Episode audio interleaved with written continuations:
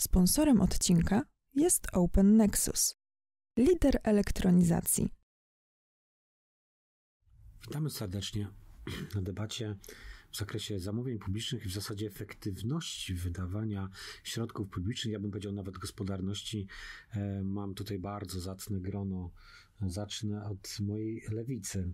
E, e, Magdalena Sfornowska-Sajniak, generalnie można powiedzieć, że ekspertka w zamówieniach publicznych, bo to przeszło 10 lat, związana z zamówieniami publicznymi już od jakiegoś czasu sercem bliżej Open Nexusa, mam przynajmniej taką nadzieję. Tak, zgadza się. Dziś w roli eksperta od strony zamawiającego, żeby, żebyśmy nie odlecieli tutaj z moimi e, gośćmi z naprzeciwka i tutaj zacznę od Andrzeja Zawistowskiego. Dzień dobry Państwu. Członek zarządu Polskiego Stowarzyszenia Menedżerów Logistyki i Zakupów. Tak, nauczyłem się. E, witam serdecznie Andrzeju. Bardzo bogate doświadczenie zakupowe e, od Sudanu, bo w zasadzie mieliśmy tu taki przedsmak e, po te polskie zakupy e, i polskie firmy w momencie tej transformacji, gdzie jeszcze o zakupach większość e, firm nie myślała, przynajmniej o tak zorganizowanych zakupach, jak, jak teraz mówimy. Bardzo bogate doświadczenie. Andrzej podzieli się, będzie takim, trochę będzie nas strofował, żebyśmy nie skręcali za bardzo zamówienia publiczne, ale byli też po stronie biznesowej. Witam Cię, Andrzeju. Dzień dobry jeszcze raz.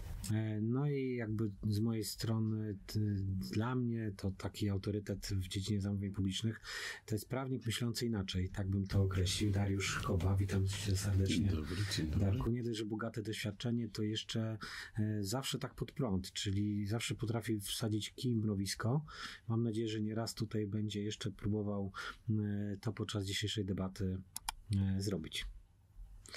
Jakbyśmy może o tym polityce, o której już wspomniałeś, jakbyś mógł przybliżyć tak naszym widzom, czy też słuchaczom, zależy od kanału, na jakim to będą oglądać, co jest takie kluczowe w tej polityce, bo powiedziałeś, że to bardzo ważny dokument, bo raz pierwszy e, o tej efektywności, to jest na plus, naprawdę trzeba to podkreślić, że, że to dobry kierunek e, od strony zarządzających e, krajem. To co tam jest takiego co powinno zainteresować zamawiających i czy wszystkich, no bo mamy tych centralnych, którzy podlegają pod ten dokument bezpośrednio, no i pozostali, którzy teoretycznie to mogliby, ale nie muszą. Więc co, co zrobić, żeby im się chciało tam zajrzeć? E, dobrze, to, to zacznijmy może od początku. Czym jest, czym jest w moim przekonaniu polityka zakupowa państwa? Jest próbą rozwinięcia tej nowej zasady efektywności, właśnie nowej nowej, bo wprowadzonej do ustawy PZP dopiero w tej nowej ustawy, no ale teoretycznie przynajmniej obowiązującej od zawsze. Od zawsze była ta zasada w ustawie o finansach publicznych, no ale najwyraźniej nie wszyscy czytali, nie wszyscy brali sobie do serca e, artykuł 43 ustawy o finansach. To może i dobrze, że ustawodawca powtórzył tę zasadę e, w artykule 17, no tylko, że jako zasada prawna no, jest sformułowana w sposób ogólny, jakże inaczej. E, natomiast cała polityka zakupowa jest próbą e, zoperacjonalizowania zasady efektywności. E, już choćby sam, sam wstęp do opisu tego priorytetu profesjonalizacja zaczyna się w ten sposób. Skuteczne wdrażanie zasady efektywności wymaga zadbania o odpowiedni poziom wiedzy zamawiającego. Czyli mamy zadekretowaną zasadę efektywności w prawie zamówień publicznych, a w polityce zakupowej mamy rozpisaną ją na e, wiele szczegółowych elementów, w jaki sposób tę efektywność można byłoby e, osiągnąć, no w szczególności poprzez profesjonalizację kadr, poprzez przekazanie wiedzy, umiejętności, które są potrzebne po to, aby e, zamawiający rzeczywiście mogli wydawać nasze pieniądze podatników e, w sposób efektywny, osiągać cele społeczne e, na najlepszych rynkowych warunkach.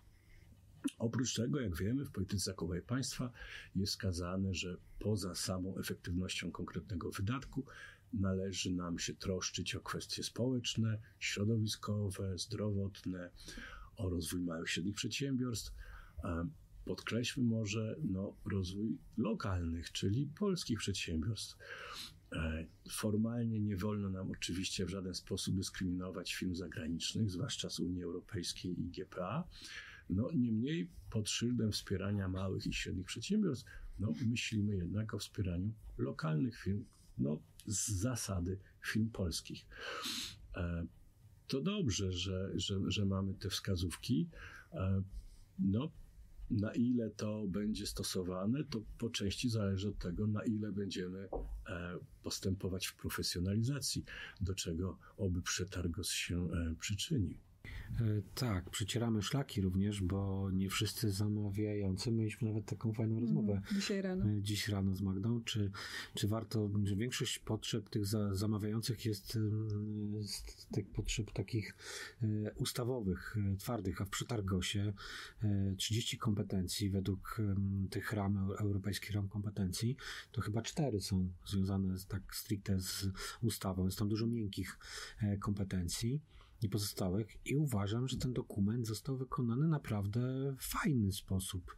Same te ramy, bo pokazują jak, jak wiele jest kompetencji potrzebnych, prawda, żeby ten proces zakupowy efektywnie zorganizować się szlaki przecierałem e, tak naprawdę z Andrzejem, który mnie uczył e, te, te, te, tego świata zakupowego.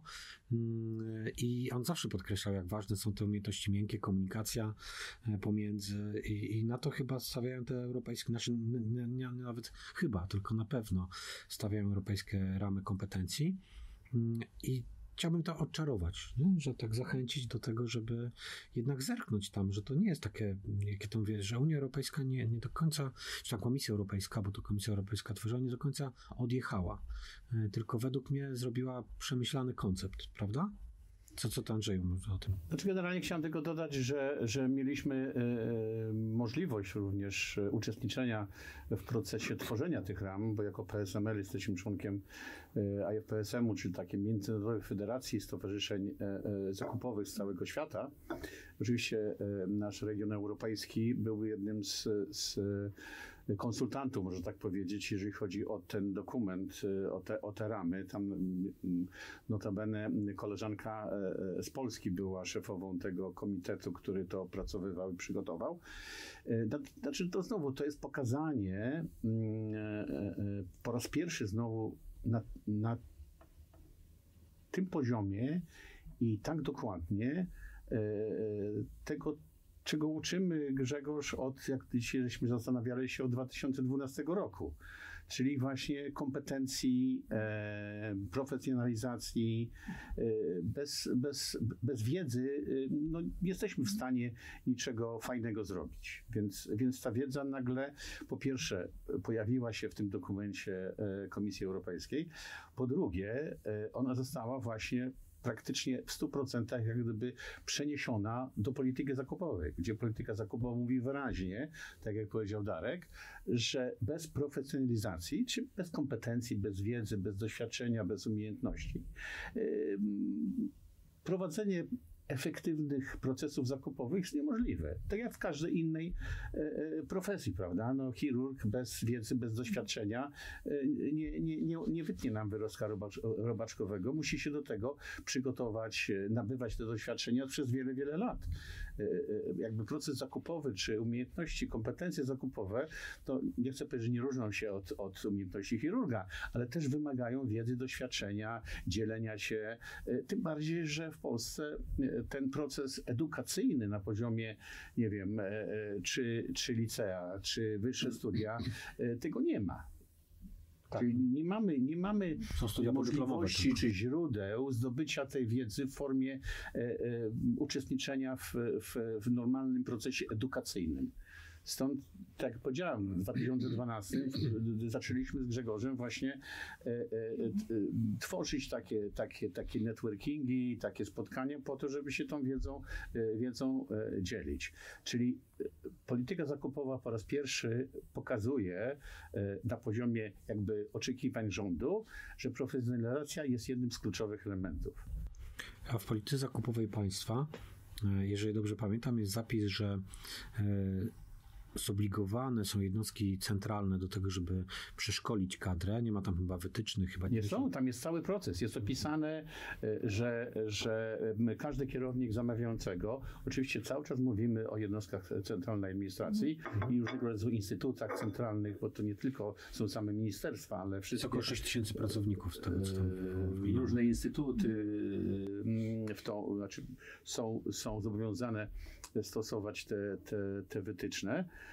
I tam jest cały proces opisany, że na bazie tych rekomendacji, bo tam jest pewne narzędzie do badania e, aktualnego poziomu wiedzy e, konkretnych pracowników e, zamawiającego, jest powiedziane, że po pierwsze każdy kierownik zamawiającego musi po pierwsze zbadać poziom wiedzy czy kompetencji swoich pracowników okay? na, pod, na podstawie tego, co mówią rekomendacje i e, po drugim kroku wyznaczyć e, czy określić, my to nazywamy gapsy, czyli braki wiedzy, czyli mhm. co na danym stanowisku dana osoba czy Zawistowski, co powinien wiedzieć, to jest w ramach tego, tych, tych, tych rekomendacji, okay?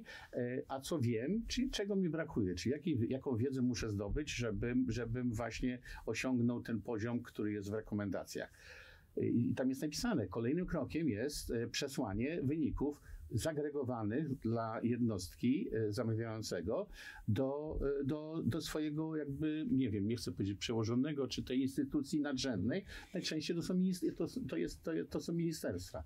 Ministerstwa znowu to kumulują i mają to wysłać do Ministerstwa Rozwoju i, i Technologii, po to, żeby, żeby zdobyć informacje, jakie są właśnie braki wiedzowe i na podstawie tych informacji Ministerstwo Rozwoju i Technologii będzie przygotowywało cały program e, szkoleniowy, e, jakby materiały, dokumenty po to, żeby, żeby właśnie uzupełnić te, te, te brakujące elementy kompetencji, ale te, właśnie tych kompetencji nie tylko z, z wiedzy o formalno-prawnych aspektach wynikających prawa zamówień publicznych, ale tej wiedzy czysto, czysto profesjonalnej, zakupowej. A z perspektywy może tak, jednostki centralnej to muszą i to jest, jeżeli dobrze pamiętam, około 6 tysięcy osób, które powinny być przeszkolone. Tam jest nawet wskaźnik, chyba 90% ma być przeszkolonych, tak założyli sobie do 2026.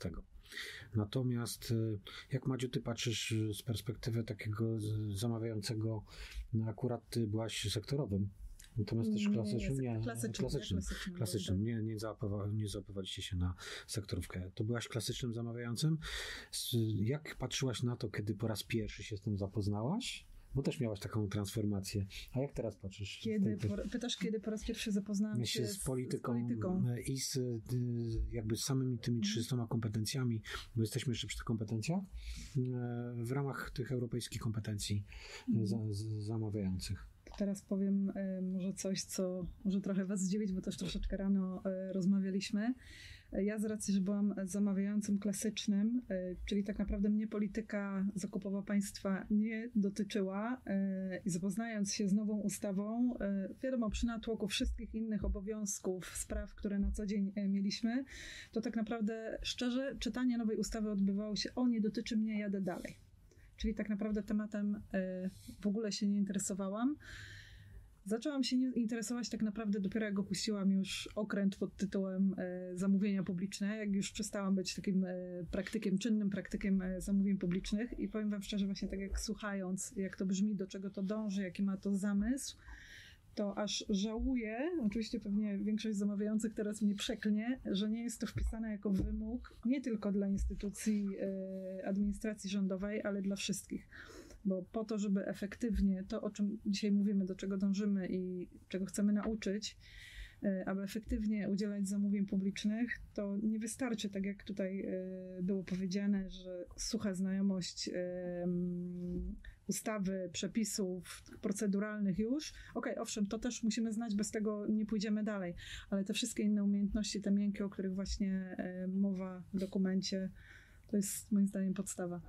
Znaczy dla mnie, jeżeli ta, dla osoby, która troszkę patrzy z zewnątrz, bo wracając do znowu do naszych początków, Grzegorz, myśmy y, zaczęli też, e, e, chcieliśmy integrować e, społeczeństwo zamawiające publicznie. Tylko wtedy, w tamtych latach, nikogo to nie interesowało, czyli ten, ten proces zakupowy, czysto, czysto z punktu widzenia profesjonalnego, robiliśmy takie spotkania, na które praktycznie niewiele osób przyjeżdżało w ramach naszej dużej konferencji zakupowej też robiliśmy streamy, na które też nikt nie przyjeżdża, bo myśmy mówili o narzędziach, o procesie, o efektywności, a wszyscy od nas oczekiwali, żebyśmy, żebyśmy dali im odpowiedź, jak ja zawsze daję ten przykład, który mnie zszokował, e, czy faks jest narzędziem komunikacji elektronicznej. Dla mnie to, chodziłem na takie, na takie konferencje i ja siedziałem trzy godziny i nie wiedziałem w ogóle o co chodzi a nazywała się konferencja jak, jak znaczy zamówienia publiczne, czyli jak kupować y, rzeczy w obszarze zamówień publicznych. Okay? Taki nacisk na, forma, na formalizmy. No tak było. Znaczy generalnie jest. dlatego ta polityka, znaczy było, jest. dlatego mówię było. dlatego, że dla mnie polityka zakupowa państwa wraz z tymi rekomendacjami patrząc to zewnętrznie, nie siedząc codziennie, tak jak Magda, e, bo, bo, to samo mamy w, w zakupach prywatnych, że często po prostu jesteśmy tak zawaleni taką bieżączką operacyjną, że my nie, nie mamy czasu pomyśleć strategicznie, e, nie wiem, e, trzy miesiące, pół roku wcześniej. I tutaj po raz pierwszy, tu mówisz, że cię nie interesowała polityka zakupowa, bo nie, nie było. Nie, nie bo jej nie było.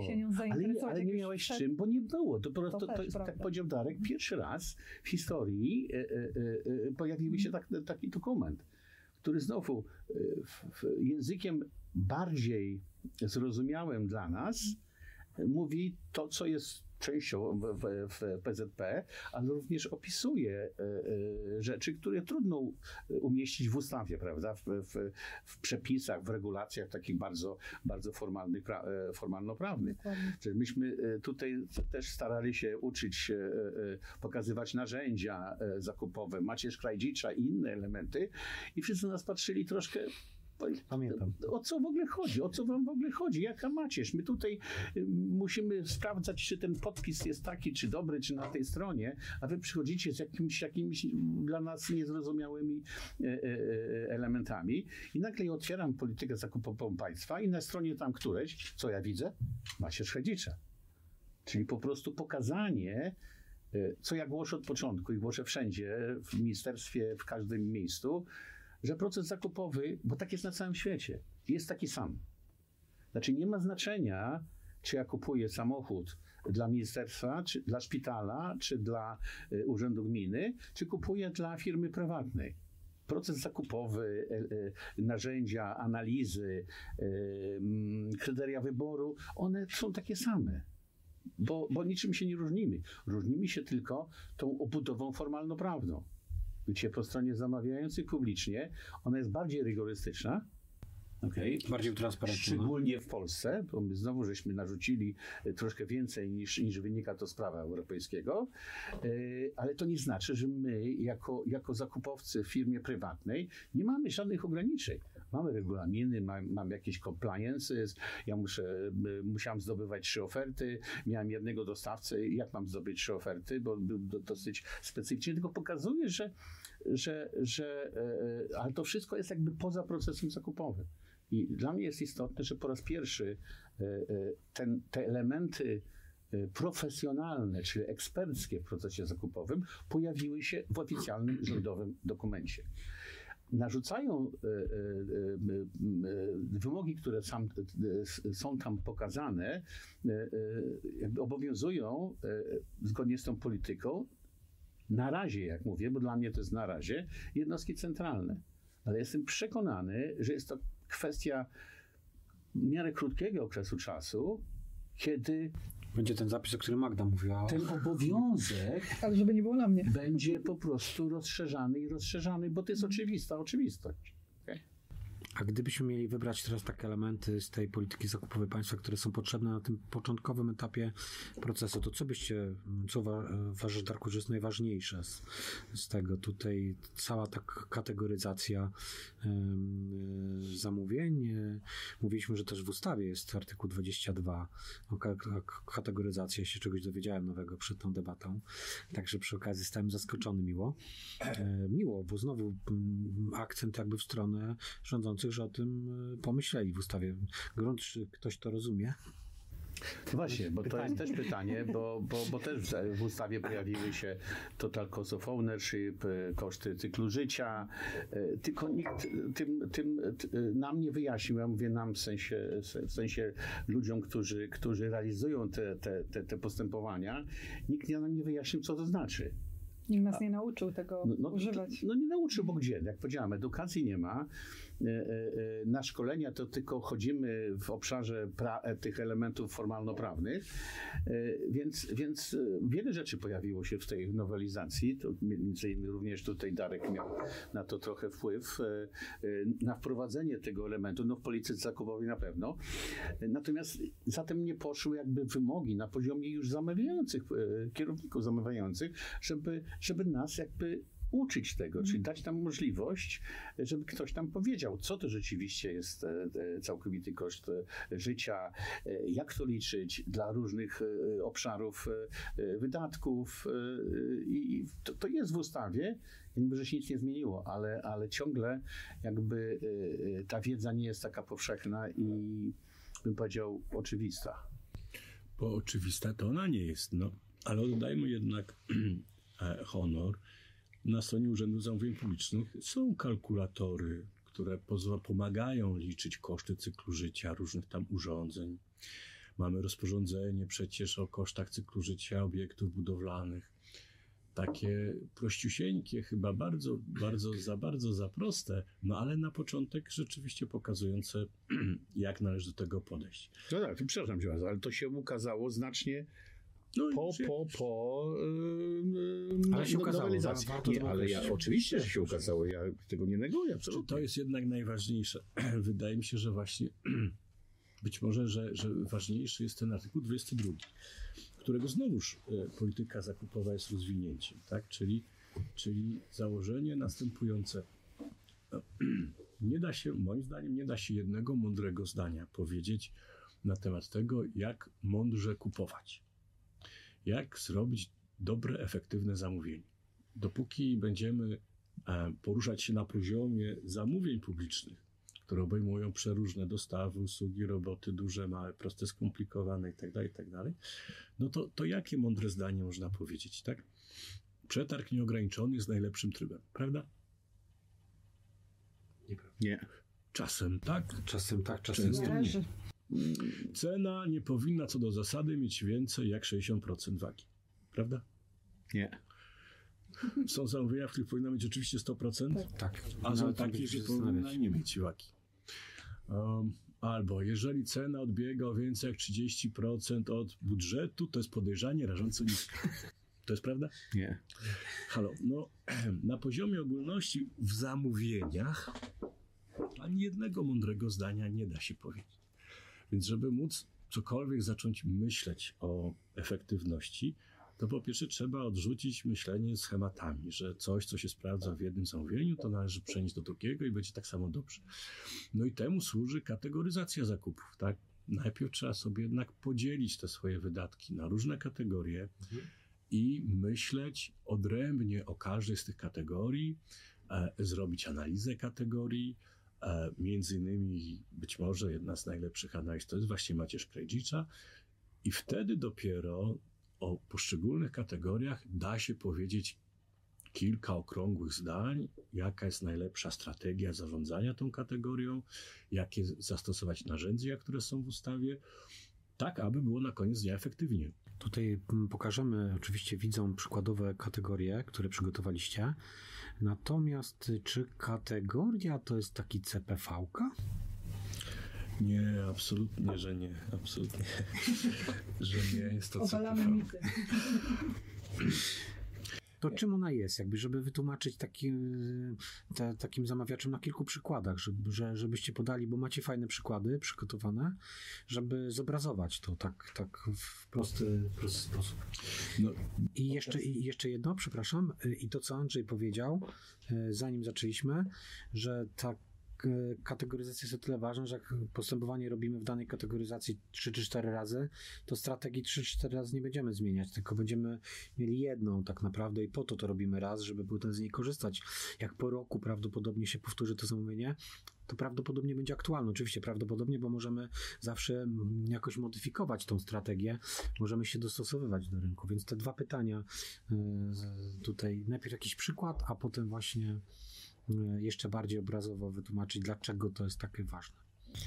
Gdy pracowaliśmy z Andrzejem nad takim poradnikiem dotyczącym strategii zakupowych na zlecenie ministerstwa, no ja ze zdziwieniem odkryłem. Ja odkryłem to ze zdziwieniem, Andrzej chyba też. Definicja kategorii zakupowej funkcjonująca na rynku prywatnym jest zadziwiająco zbieżna z definicją dostaw podobnych, która jest w preambule do dyrektywy klasycznej. Mianowicie kategoria zakupowa obejmuje produkty e, służące temu samemu celowi, dostępne u tych samych potencjalnych wykonawców. Czyli dwie zasady: jeden sklep, jeden cel. Jeżeli produkt A, B, usługa A i B e, mają tą, tę, tą samą naturę, e, służą temu samemu celowi, i są dostępne u tego samego grona potencjalnych wykonawców, to znaczy, że są to zamówienia tej samej kategorii. Akurat numerek CPV nie ma z tym żadnego związku. E, CPV powstało z zupełnie innych względów, jako sposób komunikowania się z rynkiem, e, aby wykonawcom było łatwiej znaleźć ogłoszenie e, w branży, która ich interesuje. A mogę wsadzić kimrowisko? Śmiało. W my się nie boimy, bo my właśnie Robimy to codziennie z Darkiem, więc... Podejrzewam. To dla mnie e, jest to mm, jakby niezrozumienie być może od strony ustawodawcy CPV, bo jak fajnie zauważyłeś, ta definicja mi się bardzo spina. Jest to pewna grupa dla wykonawców, którym możemy e, to zamówienie powierzyć. Jakaś grupa. CPV powstała po to, żeby wyselekcjonować pewną grupę wykonawców, którzy potencjalnie mogą się zainteresować tym, tym zamówieniem. E, więc teoretycznie one powinny się e, zazębiać, powinny być drogowskazem. Wiadomo, że każda jednostka ma trochę inną kategoryzację, coś innego wpływa na tą kategoryzację, ale powinna być to taka ściąga. E, zależy na jakim poziomie jeszcze oczywiście szczegółowości, ale w moim odczuciu, przynajmniej na tym jakimś gdzieś tam środkowym szczeblu, powinna być to wskazówka, drogowskaz przynajmniej. I ja wiem, że to się nie będzie pokrywało jeden do jeden, ale gdzieś te części wspólne powinny być jednak zauważalne. W, moje, w moim odczuciu. Nie, nie wiem, jak, jak, jak wy na to. I jeżeli mogę, dwa zdania. E, oczywiście będzie trochę więcej, jak zwykle. Problem jest to bardzo trudne, naprawdę. Po pierwsze do wyjaśnienia, po drugie do praktycznego stworzenia tego drzewa kategorii, jak my to nazywamy. Problem, wydaje mi się przynajmniej z mojego doświadczenia po stronie komercyjnej, był, był, e, był taki, że e, na początku mieliśmy dane z systemów, no, które są podstawą do, do, do, do zarządzania, bo bez danych trudno czymś zarządzać. I jak zaczęliśmy jako zakupowcy zastanawiać się, dobra, ile wydajemy na coś, no to szliśmy do finansów. Nie? Nagle się okazywało... Mówić o stronie teraz biznesowej. Znaczy wydaje mi się, że to jest wszędzie. W zamówieniach podobnie. No, jaki jest plan na przyszły rok, no to zobaczmy realizację tego roku. No tak, tylko teraz wracamy do, do, do, do poziomu, nie wiem, tych kategorii. Szedłem do finansów i nagle mówią, nie, nie, my tylko mamy e, e, e, typy wydatków, eksploatacja samochodu. I, I, mogę ci dać dane na temat Bo oni mają firma... plan księgowych bo to było im niepotrzebne, było rozbijanie e, e, tych, te, tych kont księgowych na jakby niższe tak. pozycje. Ale mnie jako zakupowcowi nic, nic to nie mówiło. Bo ja nie, ja, ja nie negocjuję e, wydatków eksploatacyjnych, bo takiego rynku nie ma. Mhm. Ja muszę wiedzieć, ile zapłaciłem za ubezpieczenia komunikacyjne, bo to jest właśnie kategoria zakupowa, bo ja mam do tego oddzielny rynek. Przecież nie będę negocjował e, z firmami e, e, paliwowymi ubezpieczenia, bo dla mnie kategorią właśnie jest zakup paliwa, zupełnie inną. Nie? Mhm. Czyli ja muszę zejść na te, na te kategorie, które, o, ty, o czym powiedział um, Darek, czyli które mają własny rynek, który rządzi się pewnymi zasadami. I trzeba znać trochę ten rynek też. To jest inna sprawa, ale żeby zbudować to drzewo, to muszę odpowiedzieć sobie na pytanie. Czy, czy generalnie tak samo, nie wiem, przychodziłem do finansów i pytałem się, ile wydajemy na e, e, e, te, że tak powiem, jak to się nazywa po polsku, e, e, eksploatacyjne na przykład e, w firmach. Bateria biurowa? Nie, nie, nie, nie. Takie. I dostawałem, dostawałem jakąś liczbę. I okazywało się, że ta liczba obejmuje prąd, wodę w fabryce, wodę, okay. gaz, gaz taki normalny, gaz skroplony i miałem jedną cyfrę. Ale dla mnie to nie było wystarczające, bo ja nie mogłem pójść do, do firmy energetycznej i powiedzieć, że wydajemy 5 milionów. On się zapyta na co? A ile wydajecie na elektryczność? No nie wiem. I znowu, zakup elektryczności, oczywiście to, co powiedziałeś, ten rynek się zmienia, bo dzisiaj są dostawcy, którzy mogą ci oferować i gaz, i elektryczność, ale to właśnie jest ten, ten, e, to zarządzanie kategoriami. I czy mi się opłaca, czy mi się opłaca e, robić jedną kategorię elektryczność i gaz i wychodzę na rynek i dostanę dwie oferty, ale gdybym to rozdzielił i zrobił dwa postępowania, dwa procesy zakupowe, to może na elektryczność dostanę pięć ofert, i tak, i tak robiliśmy, a na gaz dostanę sześć ofert. Okay? Albo jedną. Ale chodzi mi po prostu o to, tak, że to jest bardzo skomplikowane i tego nie można, tak jak powiedział Darek, zapisać jednym słowem. Bo to po pierwsze zależy, zmienia się, bo rynek ewoluuje. Prawda? Po drugie, e, zależy immanentnie od naszej firmy, czyli od naszej jednostki organizacyjnej. Mhm. Bo i specyfiki zakupów. Tak jest. Co innego, na, co innego wydaje szkoła, na co innego wydaje szpital, na co innego wydaje zakład produkcyjny. Ale tak, żebym powiedział swoimi słowami, żebyśmy podsumowali to, bo nie możemy wchodzić aż takie szczegóły, bo debata y, ma jeszcze pięć punktów, więc jakby wiem, że my byśmy mogli tutaj bardzo, bardzo długo rozmawiać, ale jakbym tak z takiego, mm, jakby zamienić to na, na, na, na, na mm, taki prosty język, y, maksymalnie zrozumiały to jest to taka grupa różnych produktów zebranych, y, czyli jedno takie, można powiedzieć w uproszczeniu, jedno postępowanie, które w danym roku będziemy robili, y, na wspólną, y, wspólny taki E, żeby dobrego słowa dobrać e, wspólny, wspólną grupę, gdzie wykonawcy będą mogli złożyć oferty i przynajmniej to będzie dwóch, trzech, no będzie jakiś rynek konkurencyjny. Taki, gdzie nie zawęzimy sobie. Sam widzisz, że bardzo trudno ci zdefiniować. E, ale jakoś to musimy wytłumaczyć, ja rozumiem cię. Bo ale ja... musisz, nie ma innego sposobu jak, jak, jak, jak, jak, jakby, jak szczegóły, okay? Czyli znowu, jeżeli byśmy to robili, te błędy, byśmy przechodzili przez te błędy. Stworzyliśmy kategorię e, sprzęt IT. Okay? I wszystkim się dało to fajnie. Ale to okazało się, że to nie o to chodzi. Że musieliśmy stworzyć kategorię e, e, czy te urządzenia osobiste, bo masz inny rynek, innych dostawców, oddzielnie kategorie serwery na przykład. Tak. Bo mamy, a teraz mówisz fajnymi przykładami. Teraz a myśmy to... to zgrupować i wychodziliśmy do dostawców, ale dostawca mówi, nie, no ja nie dostarczam, jeszcze chcieliśmy e, jedną ofertę, czy rozumiem, że nie można dzielić, prawda?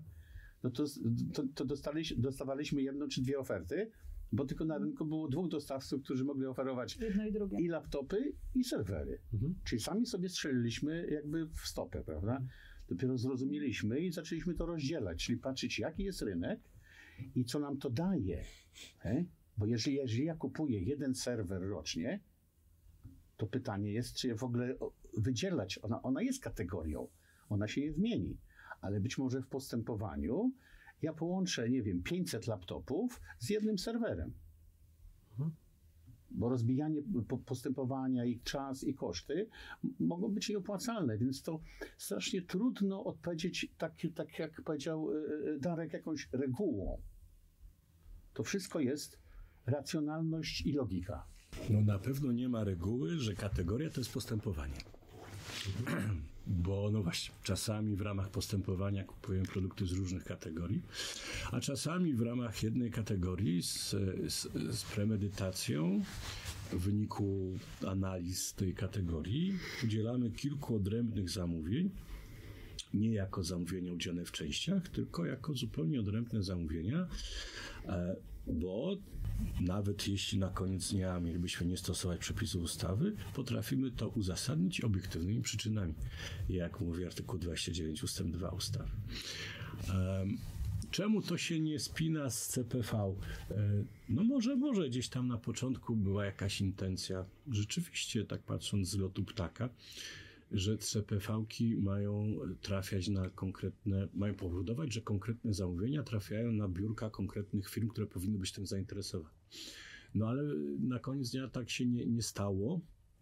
Dlaczego taki jest takie bardzo rozdrobienie tego, tego CPV? Nie wiem, nie znam historii e, powstawania tego. Natomiast pamiętam, i być może część z Państwa starszych też pamięta, był tak, była taka nowelizacja uchwalona i przeszła już przez Sejm naście, no, naście lat temu prawdopodobnie, e, która wprowadzała zasady sztywne sumowania wedle tam e, grup i, i kategorii CPV. To nigdy nie weszło w życie. To posłowie szczęśliwie e, uchwalili zmianę tej ustawy, zanim ona weszła w życie, no bo jednak doszło do wszystkich, na szczęście w, w porę, że CPV się do tego zadania nie nadaje. Tak? E, no, no weźmy przykład, który tak, e, wszystkie szkolenia mają ten sam numer CPV. E, czy to znaczy, że mamy zamówienie pod tytułem szkolenia? Kate, kategoria zakupowa. Nie ma takiego zamówienia. Tak, Natomiast może być taka kategoria zakupowa, chociaż nam wyszło też, że nie ma kategorii zakupowej szkolenia, no bo co innego to są duże formy szkoleniowe, w stylu studia podyplomowe. Albo z Office'a szkolenie. Co innego są szkolenia, na które wysyłamy pojedynczych pracowników na otwarte szkolenia na mieście. Co innego są szkolenia, które kupujemy jako zamknięte, dedykowane dla nas. A te dedykowane dla nas też no, dzielą się na choćby e, Office i, i, i, jakieś tam inne informatyczne.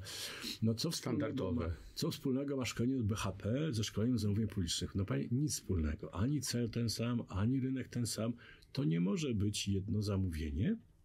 Natomiast y, jako kategoria gdzieś tam z lotu ptaka możemy sobie porozważać przy strategii zakupowej. Ok, mam jakiś worek pieniędzy na szkolenia. W jaki sposób ten worek na pieniędzy na szkolenia, e, e, jak nim zarządzamy, na jakie kategorie to dzielimy, na jakie grupy, podgrupy. E, czyli nie, kategorie, nie. Dobra, grupy, podgrupy i na końcu kategorie. Znaczy to jest na przykładzie, który, mhm. który dołączymy do, do tak, materiału. E, właśnie tak, widzowie już widzą. Znaczy, to, to, co mówi Darek, jeszcze, jeszcze trochę uzupełnienia. Dlaczego powinniśmy tak robić? Dlatego, że zależnie od tej kategorii szkoleniowej mamy inne kryteria wyboru. I to, to jest, jest najważniejsze. Bardzo się cieszę. Inny rynek, i inny, inny rynek. Tak. Jeżeli ja chcę wysłać pięć osób na szkolenie z Excela, okay, to dla mnie praktycznie głównym kryterium będzie cena. No bo e, jakby e, wymagania, rynek jest na tyle dostępny, na tyle dobrze jakby e, zaopatrzony w cudzysłowie w trenerów, w wiedzę, że ja nie muszę wymagać jakichś dodatkowych elementów związanych z trenerem, z jego doświadczeniem za bardzo, więc tu się mogę skupić praktycznie na cenie. Ale gdybyśmy mieli szkolenie z polityki zakupowej państwa... Ale tylko skończę. Czyli mamy takie, takie standardowe, otwarte. Mhm. Okay? Natomiast jeżeli mamy na przykład specy e, szkolenie specjalistyczne... No, polityka zakupowa państwa. No, to jest też jest, znaczy no Darek tylko jest po no. no to oczywiście, że Natomiast ja bym dał inny przykład, okay? bo to jest e, na przykład, e, nie wiem, teraz, teraz, teraz się bardzo modne stały, stało, stało narzędzie e, no-code, low-code, czyli sposób programowania, który, który daje nam możliwość samemu, bez wiedzy tak. użytkownikowi, stwarzania drobnych aplikacji. Mhm. Po pierwsze, jest to coś nowego, nie ma ludzi, którzy, e, aż tylu ludzi, którzy są ekspertami, nie ma firm, to ja nie mogę tutaj pójść po cenie, tylko ja muszę sprawdzić e, trenera, czyli głównym jednym z elementów kryterium wyboru będzie Doświadczenie. doświadczenie i co on zrobił i skąd tą wiedzę posiada. Jeżeli ja mam e, przeszkolić moich sprzedawców w firmie farmaceutycznej z prezentacji, czyli publicznych wystąpień, czyli jeżeli jad- jadą, nie wiem, na konferencję, czy nawet na, e, do, do, do lekarza, to przecież taki, to, to jest bardzo specyficzne e, szkolenie. Więc tutaj głównym elementem będzie trener. Czy on potrafi e, tą, tą, tą kompetencję miękką, e, Przekazać. którą trudno przełożyć na Excel. Chcesz zrobić makro, to robisz to plus to plus to, funkcja taka i koniec. Mhm.